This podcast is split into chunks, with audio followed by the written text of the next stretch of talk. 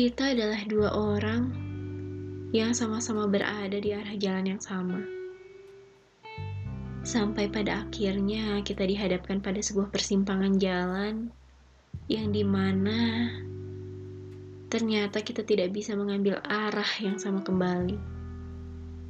Entah kamu atau saya yang terlalu egois di sini.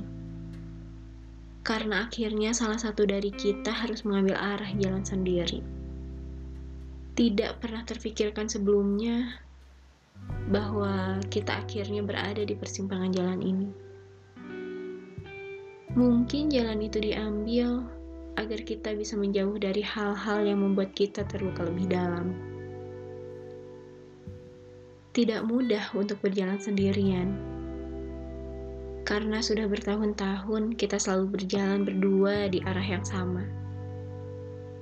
Di masing-masing arah yang kita ambil saat ini, ketidakpastianlah yang menjadi teman kita.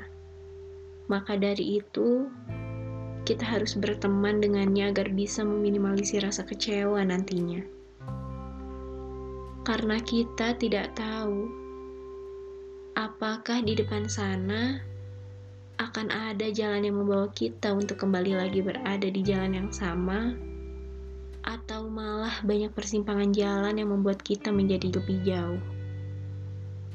Karena di dunia ini memang banyak hal yang harus selesai sebelum mencapai tujuan bersama.